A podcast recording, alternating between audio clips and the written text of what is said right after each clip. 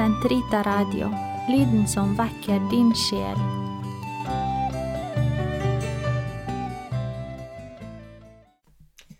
Vi fortsetter gjennomlesningen av Kompendiet for den katolske kirke, og vi er kommet til det syvende bud, du skal ikke stjele.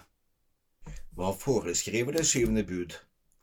Det foreskriver respekt for alle goders allmenne bestemmelse og for retten til privat eiendom, samt respekt for personer, deres gods og skaperverkets integritet. I dette budet ser Kirken også fundamentet for sin sosiallære, som omfatter den rette handlemåte i det økonomiske, sosiale og politiske liv, retten og plikten til menneskelig arbeid, rettferdighet og solidaritet blant nasjonene og kjærlighet til de fattige. Under hvilke forutsetninger eksisterer retten til privat eiendom? Retten til privat eiendom er til stede under den forutsetning at den har skaffet seg eller mottatt eiendommen på rettmessig vis, og at godenes allmenne bestemmelse til å dekke alle menneskers grunnleggende behov forblir det viktigste. Hva er formålet med privat eiendom? Formålet med privat eiendom er å sikre de enkelte personers frihet og verdighet. Den skal dessuten hjelpe dem til å dekke de grunnleggende behov hos dem de har ansvar for, og til å bistå andre som lever i nød. Hva krever det syvende bud av oss? Det syvende bud krever at vi respekterer andres eiendeler ved å praktisere rettferdighet og kjærlighet, måtehold og solidaritet. Særlig forlanger dette budet respekt for avgitte løfter og inngåtte kontrakter, godtgjørelse for begått urett, og tilbakelevering av stjålet gods, respekt for skaperverkets integritet gjennom klok og måteholden bruk av mineralressurser, planter og dyr i hele verden, med særlig aktsomhet overfor utryddelsestruede dyrearter. Hvordan skal mennesket behandle dyr? Fordi dyrene er Guds skapninger, skal mennesket behandle dem med villvilje og unngå både overdreven kjærlighet til dem og urimelig bruk av dem, fremfor alt til vitenskapelige eksperimenter som overskrider fornuftige rammer og påfører dyrene unødvendige lidelser. Hva forbyr det syvende bud? Fremfor alt forbyr det syvende bud tyveri, som er å bemektige seg en annens gods mot eierens rimelige vilje. En bryter også budet ved å betale urettferdig lønn. Når en oppnår fordeler ved å spekulere i verdien av gods til skade for andre, eller forfalskning av sjekker og regninger. I tillegg til dette forbyr det skatteunndragelse eller handelssvindel, villet skade på privat eller offentlig eiendom, urimelig høy rente, korrupsjon, privat misbruk av felles goder, med vilje, dårlig utført arbeid og sløsing. Hva inneholder Kirkens sosiallære? Kirkens sosiallære er en organisk utfoldelse av evangeliets sannhet om menneskets verdighet innenfor en sosial dimensjon. Den inneholder grunnsetninger til refleksjon, uttrykker kriterier for bedømmelse og gir retningslinjer og anvisninger for handlinger. Når griper Kirken inn i sosiale anliggender? Kirken griper inn og foretar en moralsk bedømmelse av økonomiske og sosiale anliggender når personens grunnleggende rettigheter, det allmenne vel eller sjelens frelse krever det. Hvordan må det sosiale og økonomiske liv utformes? I samsvar med dets egne metoder må det utformes innenfor rammen av moralsk orden og sosial rettferdighet, slik at det står i tjeneste for hele mennesket og det, hele det menneskelige fellesskap. Mennesket må være opphav, midtpunkt og mål for det økonomiske og sosiale liv. Hva står i motsetningen til kirkens sosiallære? I motsetning til kirkens sosiallære står økonomiske og sosiale systemer som gir avkall på menneskets grunnleggende rettigheter, eller gjør profitt til det eneste eller endelige mål. Derfor forkaster Kirken de ideologier som i moderne tid forbindes med kommunisme eller med ateistiske og totalitære former for sosialisme. På den annen side forkaster den, i kapitalismens praksis, individualismens og markedskreftenes absolutte forrett fremfor det menneskelige arbeid. Hvilken betydning har arbeid for menneskene? Arbeid er en plikt og en rettighet for mennesket. Gjennom arbeidet virker det sammen med Gud, sin skaper. Når mennesket arbeider med innsatsvilje og kompetanse, utfolder det sine naturlige evner, ærer skaperens gaver og de mottatte talenter, sørger for seg og sine og tjener det menneskelige fellesskap. Videre kan arbeid ved Guds nåde være et middel til helliggjørelse og samarbeid med Kristus for andres frelse. Hva slags arbeid har ethvert menneske rett til? Adgang til et trygt og ærlig arbeid må være åpen for alle uten urettferdig diskriminering. Det må tas hensyn til ledelsen av foretakets frihet og til en rettmessig lønn. Hvilket ansvar har staten når det gjelder arbeid? Det er statens plikt å garantere individuell frihet og sikring av eiendom, så vel som en stabil valuta og effektive offentlige tjenester. Det er også statens ansvar å sørge for at menneskerettighetene respekteres i den økonomiske sektor. Etter omstendighetene skal samfunnet hjelpe borgerne til å finne arbeid. Hvilken oppgave har bedriftslederne? Bedriftsledere er ansvarlige for de økonomiske og økologiske følgene av sin virksomhet. De har plikt til å ta menneskers vel i betraktning, og ikke bare økende profitt.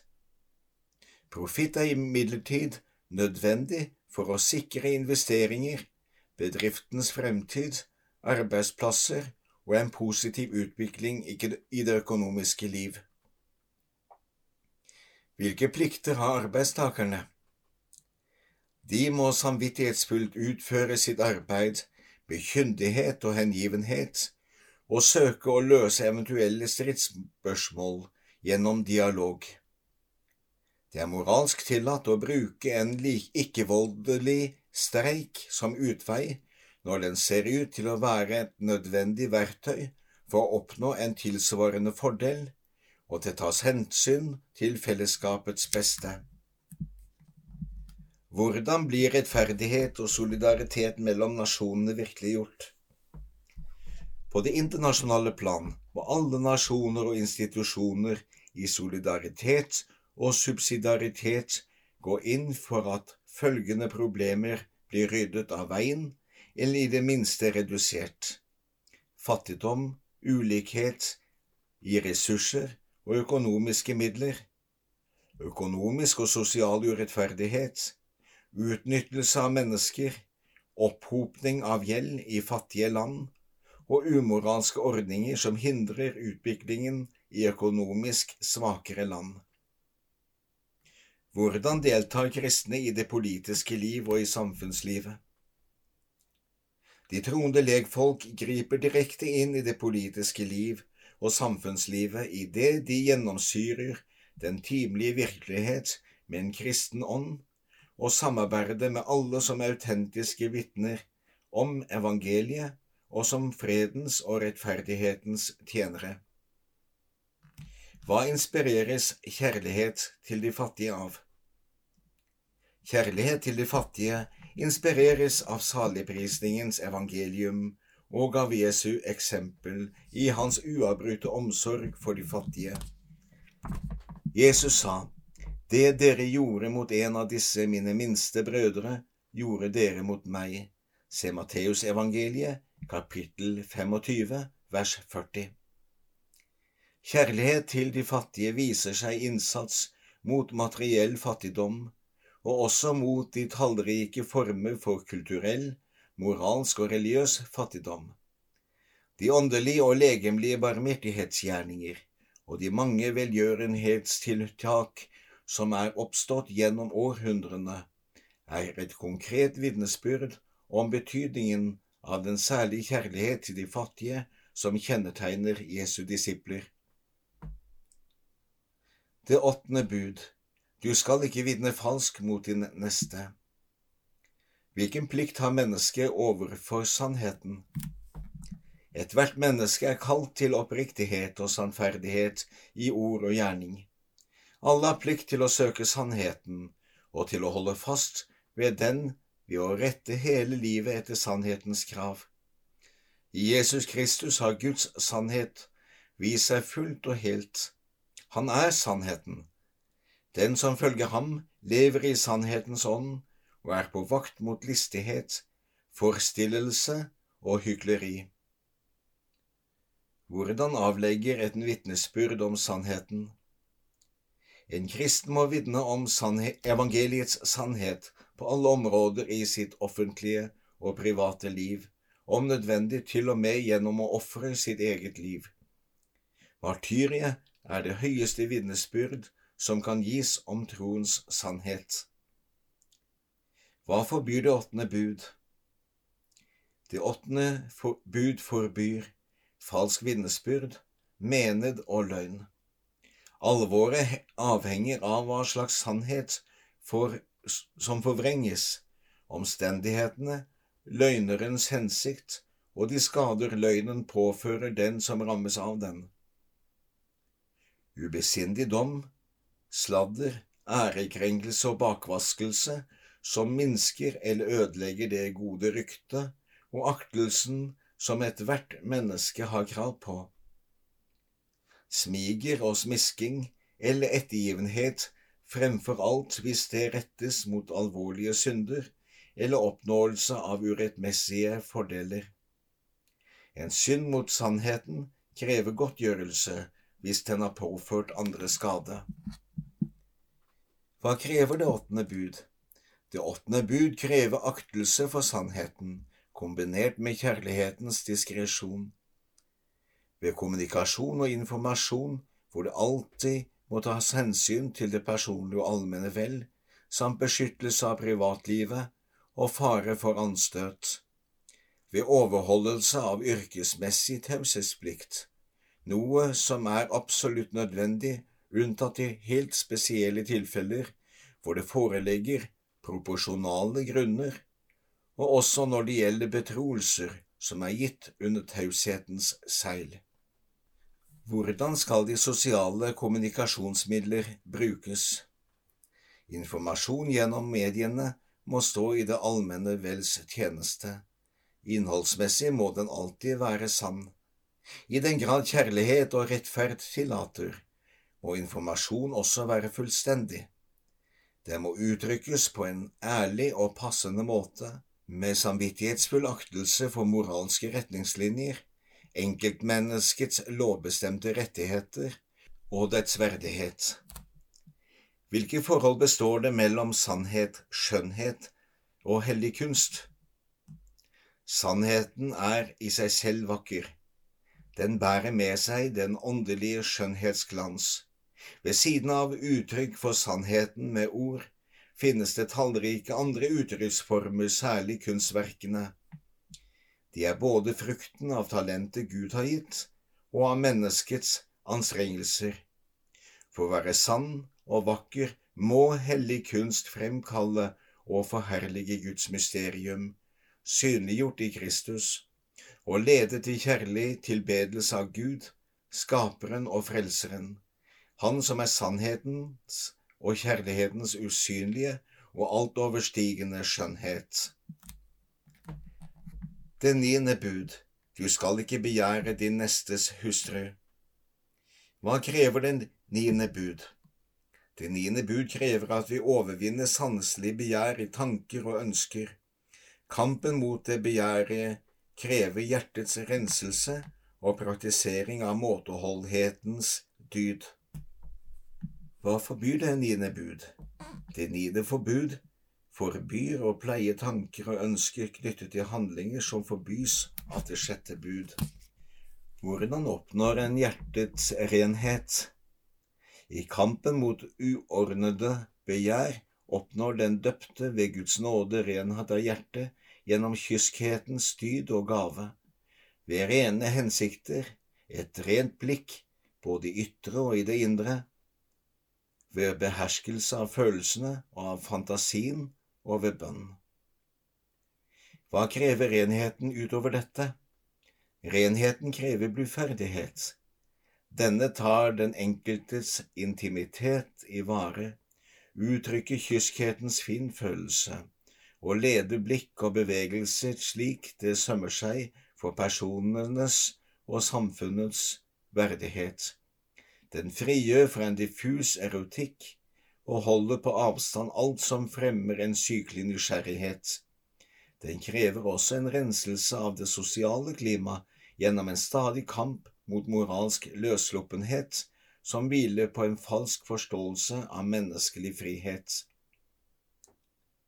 Det tiende bud Du skal ikke begjære noe som hører de neste til. Hva krever og hva forbyr det tiende bud? Dette budet utfyller det foregående budet og krever en indre holdning av aktelse overfor andres eiendom. Det forbyr grådighet, tøylesløs havesyke eller andres gods og misunnelse, som består i at en blir trist når det går andre godt, og umettelig lengter etter å kunne tilegne seg andres eiendom. Hva kaller Jesus oss til med hjertets fattigdom? Jesus kaller sine disipler til å foretrekke ham fremfor alt og alle.